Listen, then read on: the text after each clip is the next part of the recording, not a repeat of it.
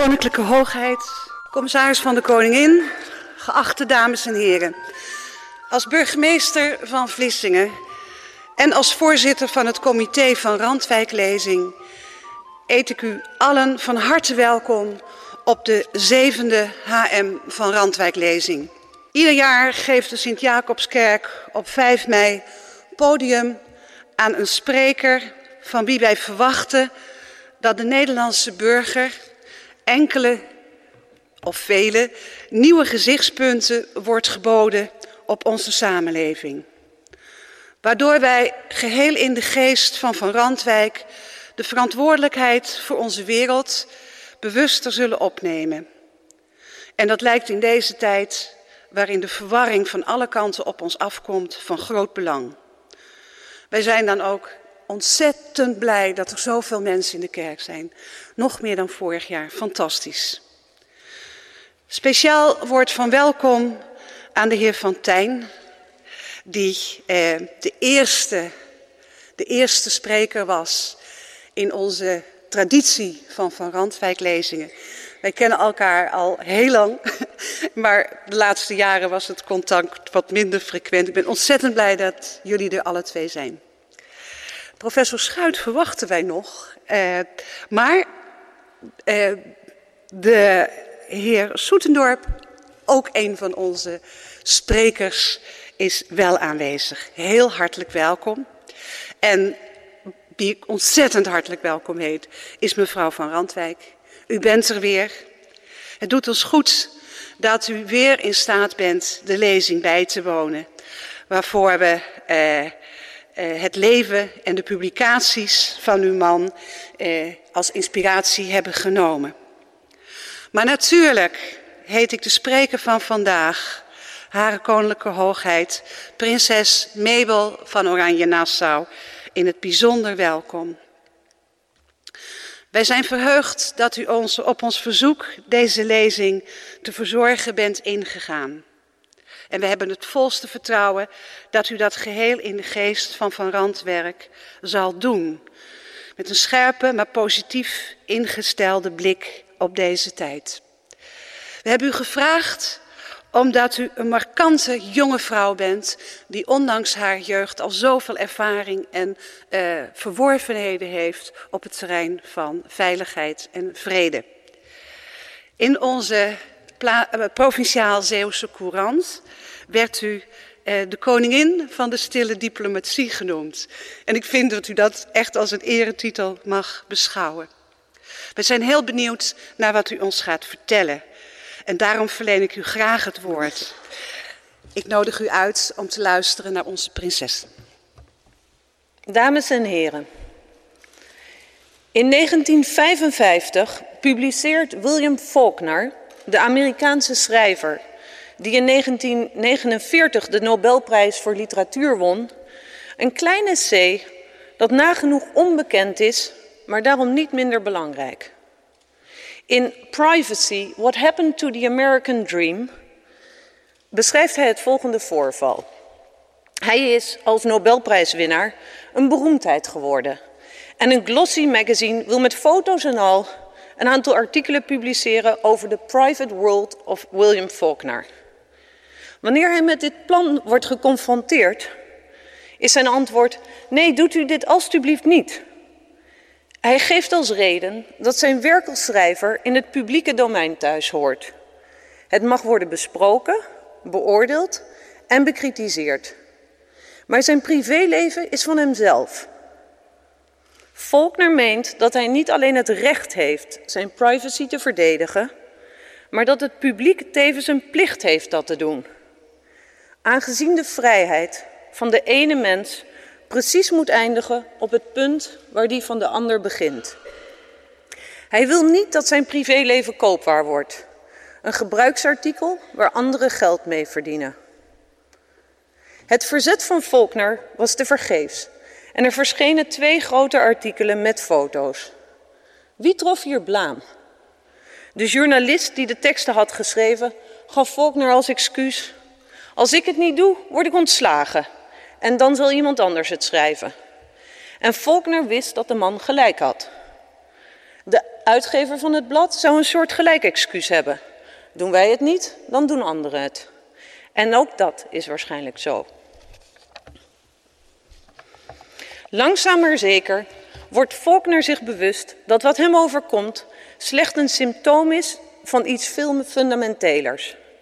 Amerika, zo schrijft hij, was het land van de American Dream. Uit alle delen van de wereld waren mensen naar dat land gekomen om in veel gevallen de tirannie te ontvluchten en in vrijheid hun eigen leven te leiden. Vrijheid, dat is de American Dream. Maar wat is vrijheid als de individuele vrijheid niet meer kan bestaan? Als je waardigheid geschonden wordt omdat privacy, de intieme details van je bestaan, niet meer beschermd zijn. En als koopwaar, al dan niet opgesmukt met de nodige leugens, worden aangeboden. Wat is nog democratie als de Fox Populi niet de waarheid, maar sensatie wil horen? Wat, er gebeur, wat gebeurt er met een democratie als persvrijheid, zonder welke geen democratie kan bestaan, wordt misbruikt om zich te verrijken ten koste van het privébestaan van mensen? Wat is persvrijheid als die wordt gebruikt voor een middeleeuws aandoende heksenjacht? Welke morele verantwoordelijkheden gaan gepaard met vrijheid? Het zijn deze verontrustende vragen die Faulkner zich doen realiseren dat democratie, vrijheid en waarheid blijkbaar holle kreten zijn geworden. Hij schrikt ervan hoe gemakkelijk dat gaat. De vrijheid verliezen, de waarheid zien verdwijnen. Want het gebeurt zonder dat we erbij stilstaan, omdat we vergeten welke waarden zij hebben omdat wij er letterlijk niet meer aan denken. Maar alles wat werkelijk van waarde is, is nooit een feit of een gegeven. Kan liefde, kan vriendschap bestaan zonder constante zorg en inspanning? Nee. Wel nu, datzelfde geldt voor vrijheid, waarheid en democratie. Een maatschappij, al dus waarin vrijheid, persvrijheid, democratie en waarheid betekenisloze woorden zijn geworden, zal een maatschappij zijn van lust en dwaasheid, domheid en hebzucht, angst en bijgeloof. En de tirannie wacht rustig op haar tijd.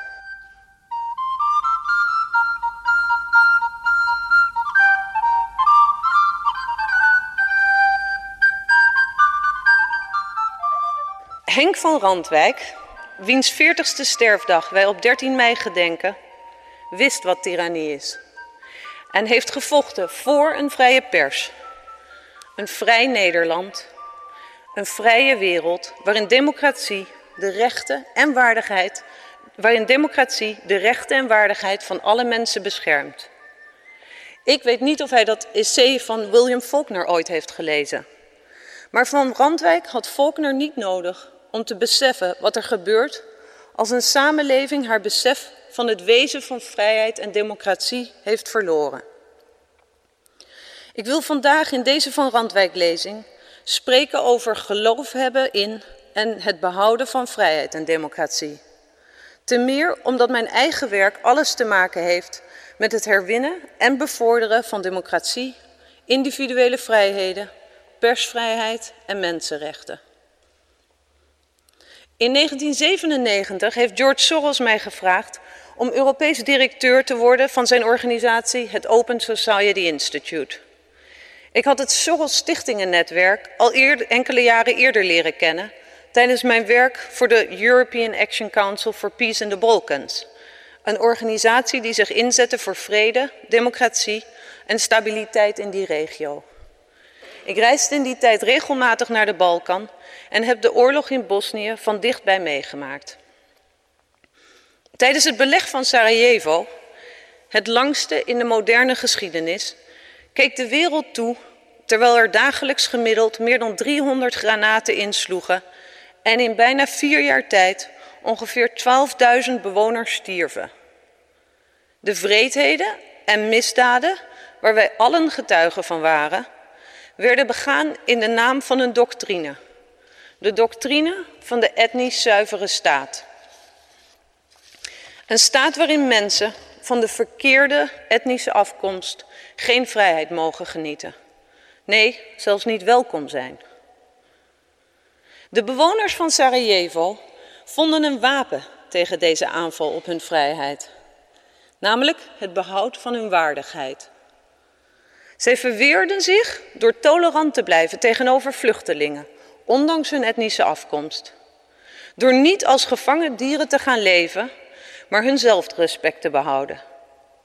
Hun afweer tegen het brute geweld bestond uit het voortzetten van een zo normaal mogelijk geciviliseerd leven. De burgers van Sarajevo organiseerden culturele evenementen, zoals theatervoorstellingen en filmfestivals. Een onafhankelijke pers werd zo goed mogelijk draaiende gehouden. En de vrouwelijke inwoners van de stad gingen elke dag, ondanks de erbarmelijke omstandigheden, geheel verzorgd met make-up en al de straat op.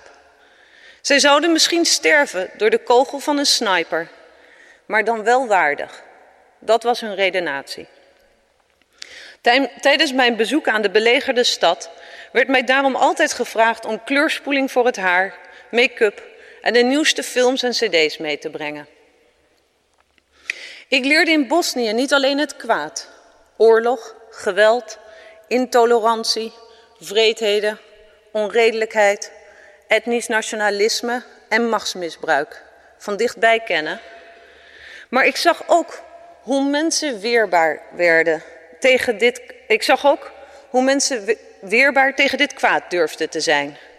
En ik zag de inspirerende rol die individuen in dit verzet spelen. Ik denk bijvoorbeeld aan de man die twee waterzuiveringsinstallaties en een distributienetwerk ontwikkelde, zodat de inwoners van Sarajevo niet meer de gevaarlijke straat op hoefden voor hun watervoorziening. Ik denk aan de vrouw die na schoolse activiteiten startte, zodat kinderen minder kans liepen beschoten te worden na schooltijd. En ik denk aan de man die het Sarajevo Filmfestival organiseerde. Ik was er getuige van hoe Sarajevo, dankzij hen en vele anderen, te midden van het geweld, het symbool werd van een open samenleving. De European Action Council stimuleerde internationale donoren om de bewoners van Sarajevo te ondersteunen, zodat zij de hoop op een betere toekomst en vertrouwen in de waarde van een open samenleving zouden behouden. Mede door deze inspanningen kwam er onder andere steun voor onderwijsprogramma's, zodat kinderen gewoon naar school konden gaan.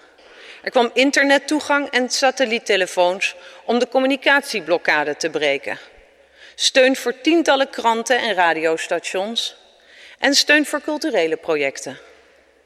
Tegelijkertijd raakte ik in buurland Servië onder meer betrokken bij de pogingen van de hoofdredacteur van radiostation B92 om in Europa politieke en financiële steun te verwerven voor de creatie van een netwerk van onafhankelijke televisiestations.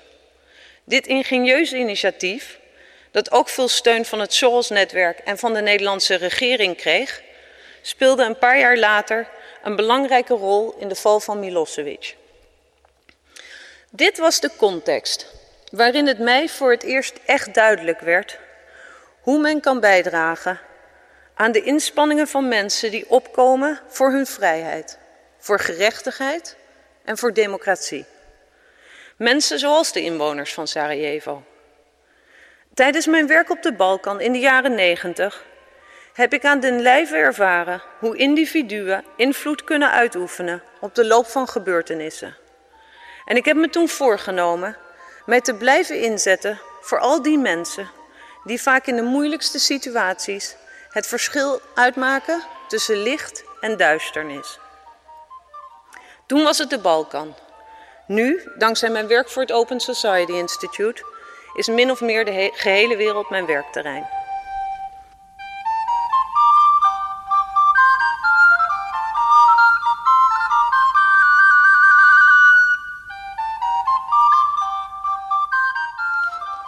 Het Open Society Institute ontleent zijn naam en zijn belangrijkste ideeën aan één boek, The Open Society and Its Enemies, van de filosoof Karl Popper. Popper is een van de belangrijkste 20e eeuwse denkers over vrijheid, democratie en totalitarisme. In zijn boek, gepubliceerd aan het einde van de Tweede Wereldoorlog, analyseert Popper het wezen van de vrije, open samenleving, maar ook haar kwetsbaarheid en de voortdurende aanwezigheid van de verleidingen van het totalitarisme. De open samenleving wordt onder andere gekenmerkt door de erkenning dat niemand een monopolie op de waarheid heeft en geen enkele groep zijn visie aan de rest van de samenleving mag opleggen. In deze samenleving hebben de mensen de grootst mogelijke individuele vrijheid, die enkel ingeperkt mag en moet worden als deze in conflict komt met de vrijheid van anderen. Beperkingen, die altijd nodig zijn, worden bepaald door het recht en de wet die geldt voor allen. In een open samenleving kunnen en moeten mensen hun eigen verantwoordelijkheden ervaren. De toekomst van een individu wordt niet bepaald door sociale klassen. Onderwijs, zelfstandig leren denken, redeneren en argumenteren zijn van het grootste belang. In deze samenleving geldt het principe dat Popper beschrijft als I may be wrong and you may be right, and by an effort we may get nearer to the truth. Mensen met verschillende inzichten en belangen kunnen zo vreedzaam samenleven. Voor ideologieën is er geen plaats. Het concept van de open samenleving is nauw verbonden met het idee van democratie en vormt een symbool voor vrijheid. Maar de open samenleving is ook een kwetsbare samenleving. Omdat er geen zekerheden worden geboden, omdat er geen garantie bestaat voor het grote geluk en omdat iedere samenleving altijd aan veranderingen onderhevig is. Kwetsbaar omdat de primaire verantwoordelijkheid voor de kwaliteit van de samenleving bij ons, individuen zelf, ligt. En omdat het voortbestaan van de open samenleving afhankelijk is van onze bereidwilligheid om haar te beschermen en ons te verweren tegen haar vijanden. De open samenleving is Poppers alternatief voor dictaturen. Voor maatschappijen die geleid worden door ideologieën zoals fascisme en communisme, die beweren in het bezit te zijn van de absolute waarheid. Eén leider, de partij of een kleine elite regeert en acht zijn visie op de werkelijkheid de enige juiste. Loyaliteit en de ideologische opvattingen van de leiders is sorry, loyaliteit aan de ideologische opvattingen van de leiders is in deze samenleving een vereiste. Popper beschrijft ook de verleidingen van deze samenleving. Het totalitaire regime belooft een hemel op aarde en al het ongeluk, maar ook de misdaden, worden goed gepraat als noodzakelijk binnen het historisch proces van de vooruitgang op weg naar het eeuwige geluk. Het zijn verleidingen, of beter gezegd, leugens. Aangezien niemand het monopolie op waarheid heeft, kunnen totalitaire ideologieën alleen door geweld of andere manieren van dwang aan een samenleving worden opgelegd. Het begint met onderdrukking en het leidt tot een gesloten, samen, eh, tot een gesloten maatschappij. Voor het individu met zijn eigen vrijheid, mening en verantwoordelijkheid is hier geen plaats. De gesloten samenleving duldt hen niet. De wereld is echter niet langer verdeeld in democratieën en, en dictaturen. Indien Popper nog zou leven, zou hij een nieuwe vijand van de open uh, sorry. Indien Popper nog zou leven, zou hij een nieuwe vijand van de open samenleving aan zijn boek kunnen toevoegen. De zogeheten illiberal democracies. Deze geduchte vijand spreekt de taal der democratie en is bijna overal ter wereld te vinden.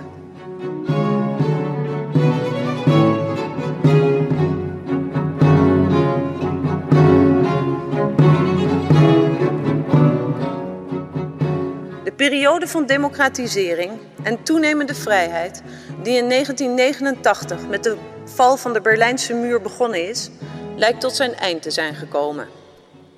Veel landen hebben nu gekozen regeringen maar dit is niet noodzakelijkerwijs gepaard gegaan met meer vrijheid. Integendeel, in de 21ste eeuw komt de bedreiging van de vrijheid in veel gevallen van binnenuit. Van regimes die beweren democratisch te zijn en misschien hiervan de uiterlijke schijn voortonen, maar uiteindelijk regeren als semi-dictaturen. Zij organiseren regelmatig verkiezingen en laten een paar oppositiepartijen, autonome, niet-governementele organisaties of onafhankelijke kranten toe. Maar tegelijkertijd hebben zij genoeg controle over de maatschappelijke krachten, zoals media, verkiezingen en politieke partijen, om een serieuze bedreiging van hun bewind te voorkomen. Verkiezingen dienen hier om de macht van het regime te legitimeren, niet om deze eventueel over te dragen. Het volk tolereert de leiders van deze illiberal democracies omdat zij hen identiteit, overzichtelijkheid, zekerheid, orde en veiligheid bieden. Het pluralistische karakter, dat cruciaal is voor democratie, wordt met zachte hand en door middel van harde manipulatie onderdrukt. Achter de façades van de democratische verhandeling en instituties laten deze illiberal democracies weinig ruimte voor het individu met zijn eigen vrijheid, mening en verantwoordelijkheid. George Soros heeft zowel het nazisme als het communisme in zijn geboorteland Hongarije aan den lijve ervaren. In 1947 ging hij naar Londen, studeerde bij Karl Popper aan de London School of Economics, werd vervolgens een zeer succesvolle investeerder in New York en besloot aan het eind van de jaren 70 zijn middelen in te zetten om gesloten samenlevingen te openen en het concept van de open samenleving, democratie en vrijheid voor alle mensen te bevorderen. Niet alleen de doelstellingen, maar ook de werkwijze van zijn Open Society Institute zijn sterk beïnvloed door de ideeën van Popper. In een gesloten samenleving is er, zoals reeds opgemerkt, maar één interpretatie van de werkelijkheid, namelijk die van de heersende partij of het dogma van de staat. In een open samenleving moet elke burger zijn eigen visie vormen en zijn er instellingen nodig die het mogelijk maken dat mensen met verschillende opvattingen en belangen toch vredig samen kunnen leven. Popper heeft gezien en ervaren dat alle fantasieën over een volmaakte maatschappij, een ideologie die mensen het geluk belooft en een politiek van grote sociale veranderingen die dat kosten wat het kost moeten bewerkstelligen, dat dit allemaal en irrationeel en gevaarlijk is. Het zijn de fantasieën van het totalitaire denken. Vandaar dat Popper pleit voor kleine stappen, concrete daden, durven vallen en opstaan. Het Open Society Institute opereert ook zo. Goede ideeën worden getest in kleine projecten. De aanpak wordt veranderd als de omstandigheden veranderen. En er is geen angst om fouten te maken en van mislukkingen te leren. Het is op grond van deze filosofie dat het Open Society Institute zich in meer dan 60 landen inzet voor onder meer de rechtsstaat, onderwijs, mensenrechten, democratisch bestuur, onafhankelijke media en sociaal-economische hervormingen.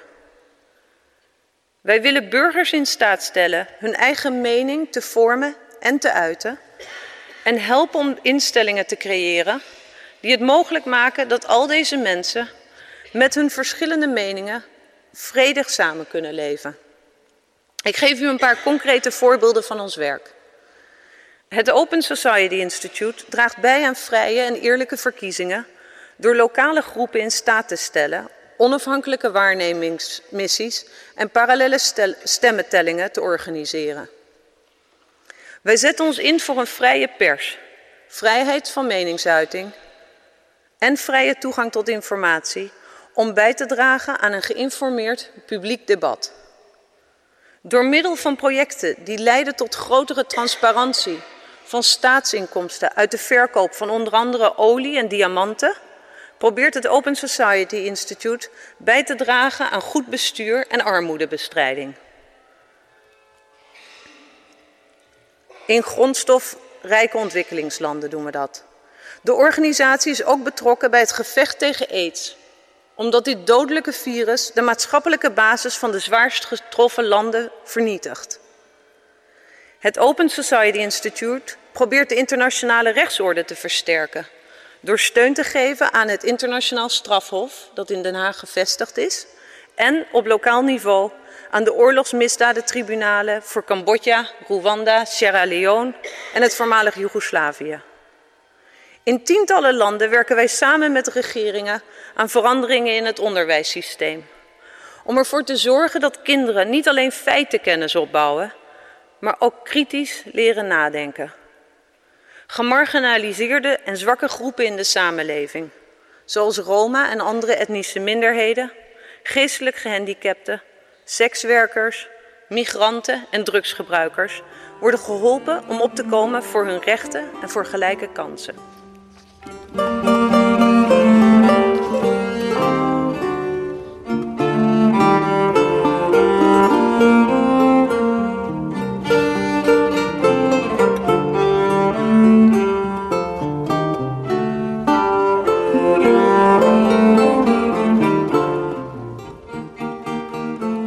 Dames en heren, op de allereerste pagina van The Open Society and Its Enemies beschrijft Popper dat hij met dit boek een bijdrage wil leveren aan Our Understanding of Totalitarianism and of the Significance of the Perennial Fight Against It.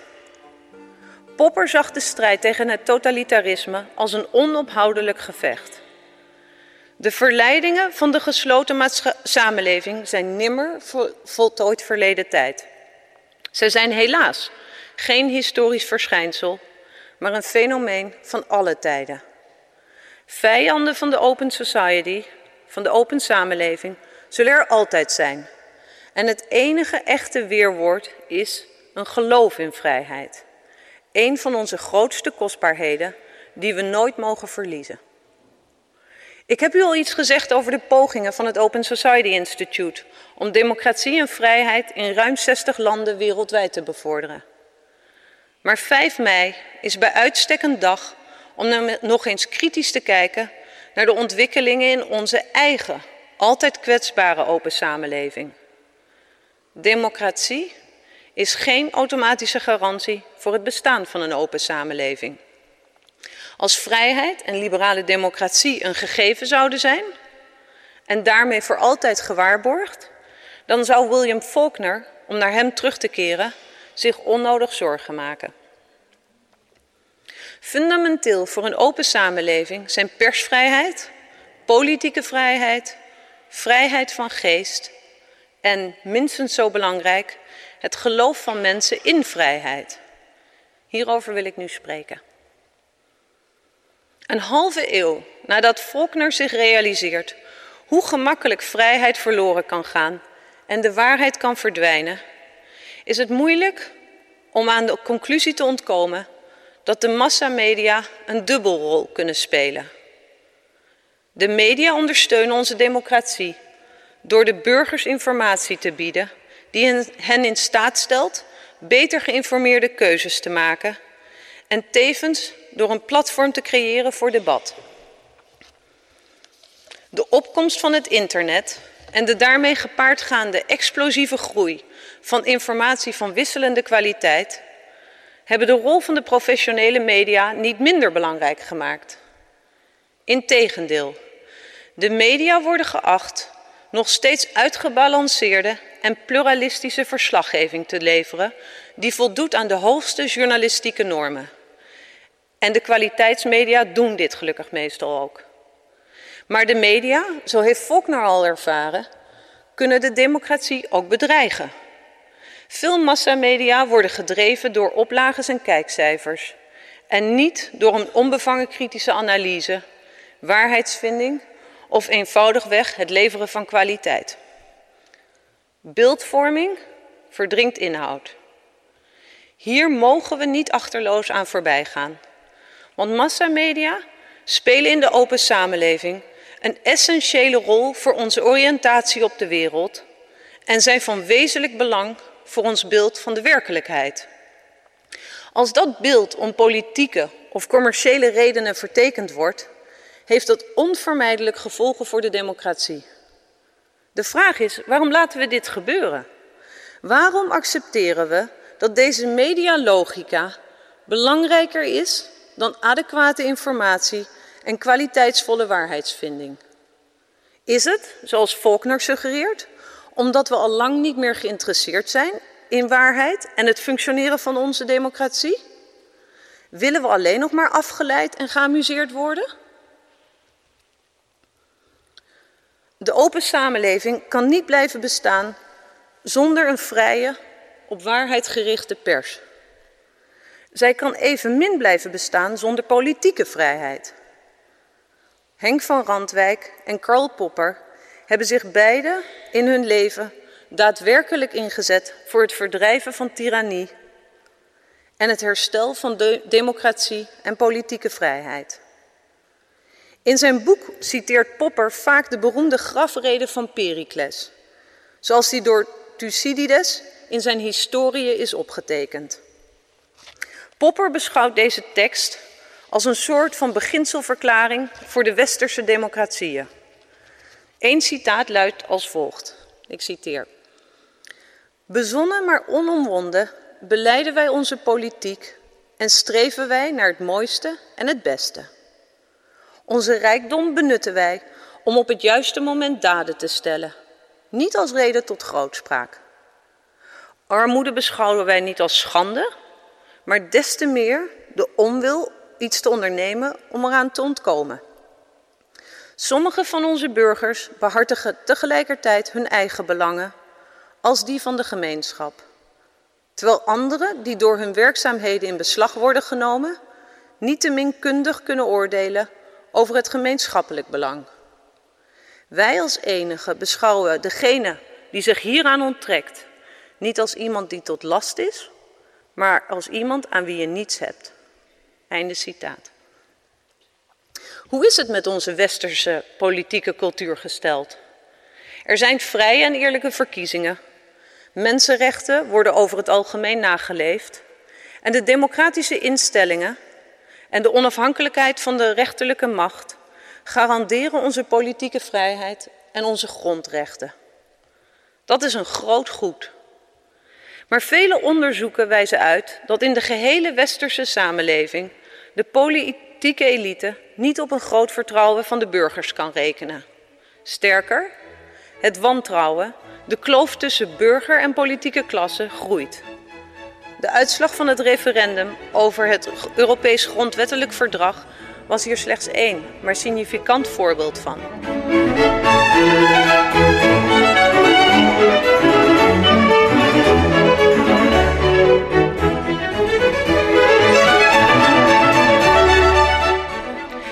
Pericles is in zijn reden kritisch over alle die zich buiten het debat over het algemeen belang opstellen. De mensen die niet politiek betrokken zijn. Dat zijn er tegenwoordig echter vele. De aanhang van vrijwel alle politieke partijen loopt dramatisch terug en de participatie in verkiezingen is ook laag. In onze, in, in onze geïndividualiseerde westerse samenleving is de passie voor het algemeen maatschappelijk belang geen dominante factor. In, een, in de gesloten samenleving is het volk uitgesloten van het bestuur. In de open samenleving worden we geacht zelf te regeren en we doen het minder en minder. Democratie verwordt zo tot een serie regels en verkiezingen, leeg van waarde. Het mag evident zijn dat deze ontwikkelingen consequenties zullen hebben voor onze politieke cultuur. Een duidelijk gevolg is het politiek populisme dat overal in Europa de kop opsteekt. Een samenleving uitsluitend vertellen wat zij wil horen is niet erg nuttig. Maar het vergt politieke moed om ook dat te zeggen en te doen wat zij het liefst zou negeren. De kloof tussen politieke elites.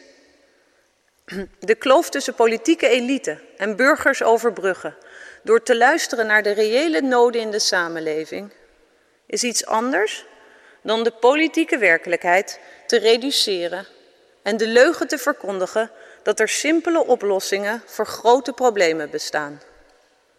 Zo fortuinlijk zullen wij niet zijn. Er bestaat geen vrije, open samenleving zonder persvrijheid, noch politieke vrijheid en betrokkenheid. Maar ook niet zonder een geloof in dat wat mensen van dieren onderscheidt: de menselijke reden, de onderzoekende geest. Aan het slot van zijn roman De Onzichtbare Steden schrijft Italo Calvino, en ik citeer: De hel van de levende is niet iets wat er zal zijn. Als er een is, dan is het de hel die hier al is. De hel die wij dag in, dag uit bewonen. Die we vormen door onze samenleving. Er zijn twee manieren om er niet onder te lijden. De eerste valt velen gemakkelijk. De hel er aanvaarden en er deel van gaan uitmaken. Tot je op het punt gekomen bent dat je hem niet meer ziet. De tweede is riskant en vereist ononderbroken aandacht en studie. Zoeken en weten te herkennen wie en wat er te midden van de hel geen hel is. Dat te laten voortduren en er ruimte aan geven. Einde citaat. Popper heeft zijn leven lang een hartstochtelijk pleidooi gehouden voor een kritisch rationalisme. Als een levenshouding die ons weerbaar kan maken en ons kan helpen te herkennen wie en wat er te midden van de hel geen hel is. Dat te laten voortduren en er ruimte aan geven. Het kritisch rationalisme is een geloof in de eigen verantwoordelijkheid van mensen, de macht van de reden en de kracht van argumenten. Dit rationalisme stimuleert de kunst van het onderscheid maken, laat ruimte voor twijfel en onderzoek en spoort aan tot onbevangenheid, intellectuele integriteit en het vermijden van dogmatisme. Zoals Popper schreef: I may be wrong and you may be right, and by an effort we may get nearer to the truth. Het irrationele wordt niet altijd uitgesloten en het vermogen tot verbeelding aangemoedigd. Tegelijkertijd is er de overtuiging dat niet passies en emoties, maar de reden de maat moet zijn bij politieke en maatschappelijke beslissingen. Het kritisch rationalisme is een houding die moet worden aangeleerd. En hier ligt een fundamentele taak voor het onderwijs. Maar is er in onze kennismaatschappij, waarin de student klant is en studeerbaarheid het hoogste goed, nog wel plaats voor het vergaren van deze kennis? En als dat niet zo is, hoe kunnen we dan verwachten dat mensen zich deze onderzoekende geest en geestelijke weerbaarheid eigen zullen maken? Wie zal hen dat leren? Waar kunnen zij dat leren?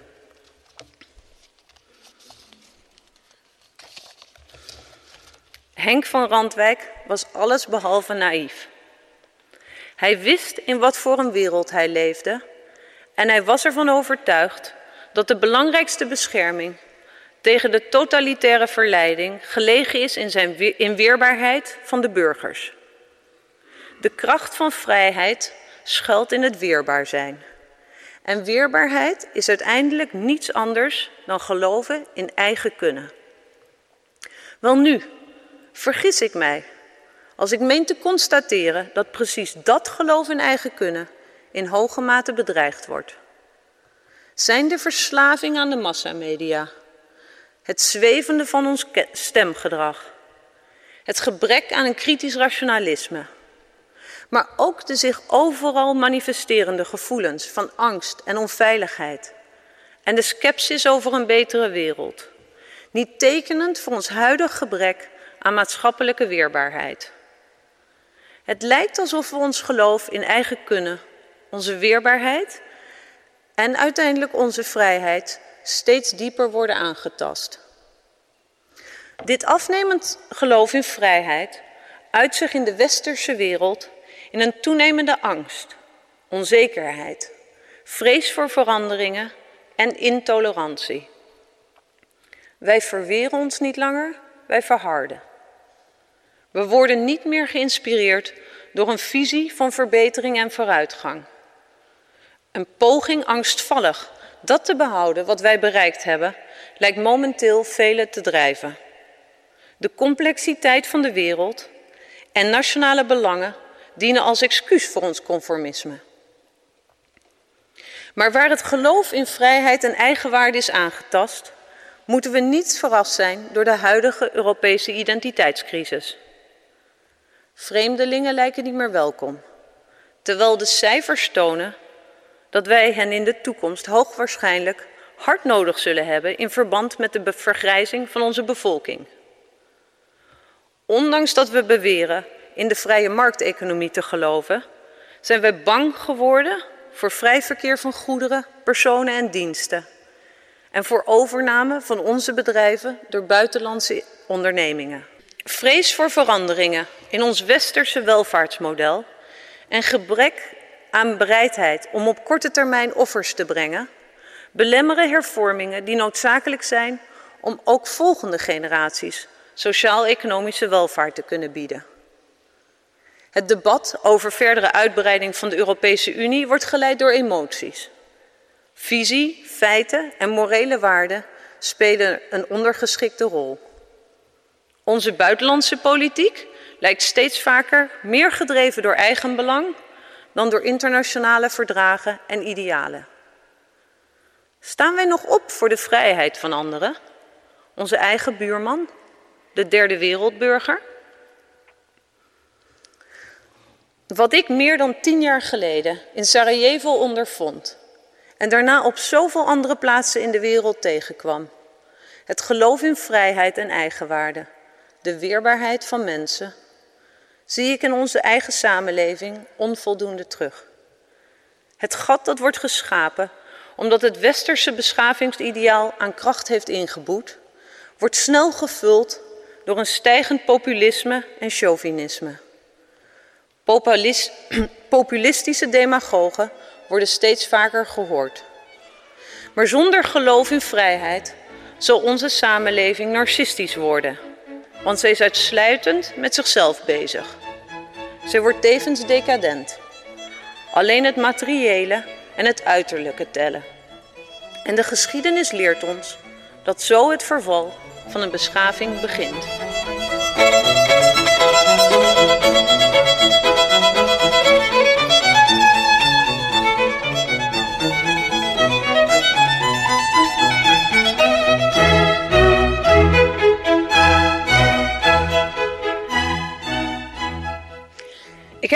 Over de vrije open samenleving als een samenleving die bestaat uit en dankzij onder andere persvrijheid, politieke vrijheid, vrijheid van geest en het geloof in vrijheid. Niet als losse eenheden naast elkaar, maar samen als één geheel. De ene vrijheid kan niet zonder de andere bestaan. En toch, ook als al deze, ook, en toch, ook al deze vrijheden schenken ons geen vrijheid als ze niet gedragen worden door het besef dat vrijheid ten diepste een morele keuze is. Vrijheid is niet hetzelfde als dat moet ik toch zelf weten en dat moet ieder voor zich weten, want dat is niet anders dan willekeur en onverschilligheid. Vrijheid begint met het besef dat de mens het enige wezen is dat niet volledig bepaald is door zijn natuur of maatschappelijke omstandigheden. Dat wij mensen altijd de keuze hebben tussen goed en kwaad, recht en onrecht, waarheid en leugen. Omwille van deze keuzes is het verwerven en behouden van vrijheid zo moeilijk. Want de grootste, maar ook de moeilijkste vrijheid is de keuze voor een leven dat geen deel heeft aan kwaad, onrecht en leugens. Een leven dat zich niet laat verleiden door en afhankelijk laat maken van rijkdom, macht en prestige. Omdat liefde, vriendschap, kennis en waarheid oneindig meer waarde hebben. Grote denkers en schrijvers, zoals Goethe, hebben deze vrijheid de adel van de geest genoemd. Dat is een adeldom die iedereen zich kan en zou moeten verwerven. De toekomst van de open samenleving is uiteindelijk vooral afhankelijk van de mate waarin deze adeldom ons zal leiden. Dames en heren, Ik geloof dat ik een van de jongste sprekers ben die de eervolle uitnodiging hebben gekregen om deze belangrijke lezing te houden. Maar al ben ik jong, ik ben niet zonder levenservaring. Ik weet wat dood en verdriet, maar ook wat liefde is. Ik ken de pijn van de verloren vriendschap en het geluk van de ware vriendschap. Ik heb geleerd om mensen meer te beoordelen op hun daden dan op hun woorden. Ik heb, ik heb voldoende ervaren en van de wereld gezien om mij de woorden van Italo Calvino eigen te maken. Je leven leven als een zoeken en weten te herkennen wie en wat er te midden van de hel geen hel is. Dat laten voortduren en er ruimte aan geven. Ik ben niet naïef en ik zie geen reden voor een romantisch optimisme. Tegelijkertijd voel ik ook geen reden om pessimistisch te zijn. Ik wil en ik geloof dat wij alle kunnen blijven leven in die vrije, open samenleving waarvan Randwijk en Popper voor hebben gestreden en die we met het Open Society Institute stap voor stap trachten te realiseren. Popper besluit zijn prachtige boek met de woorden: Instead of posing as prophets, we must become the makers of our fate. We must learn to do things as well as we can and to look out for mistakes. Het lot in eigen handen nemen. Je best blijven doen, je weerbaarheid behouden en in vrijheid blijven geloven. Dat is wat Henk van Randwijk heeft gedaan.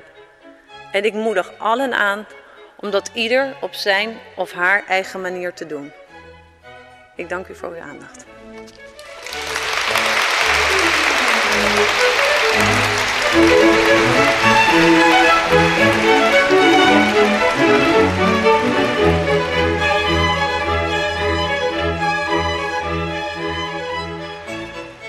Hoogheid, ik ben zeer onder de indruk van uw lezing. U hebt op vrijmoedige wijze bepaalde kanten van het begrip vrijheid onder onze aandacht gebracht. U hebt ons met voorbeelden uit uw werk als directeur van de Open Society Institute duidelijk gemaakt hoe waakzaam we moeten zijn op uh, de vrijheid. Um, en ook uh, de democratie. En voor de gevaren die op de loer liggen. Een waakzaamheid die wij volgens u verkrijgen door onze samenleving te blijven bezien van, met een kritisch rationalisme, maar vooral door eenvoudig te geloven in onszelf en in vrijheid. Omdat, en dat vond ik de mooiste woorden, wij het verschil maken tussen licht en duisternis. Ik denk dat Henk van Randwijk zich vandaag geen beter vertolker van zijn intenties zou kunnen wensen. Namens u allen, namens ons allen, dank ik u voor deze rijke lezing. Heel erg hartelijk dank.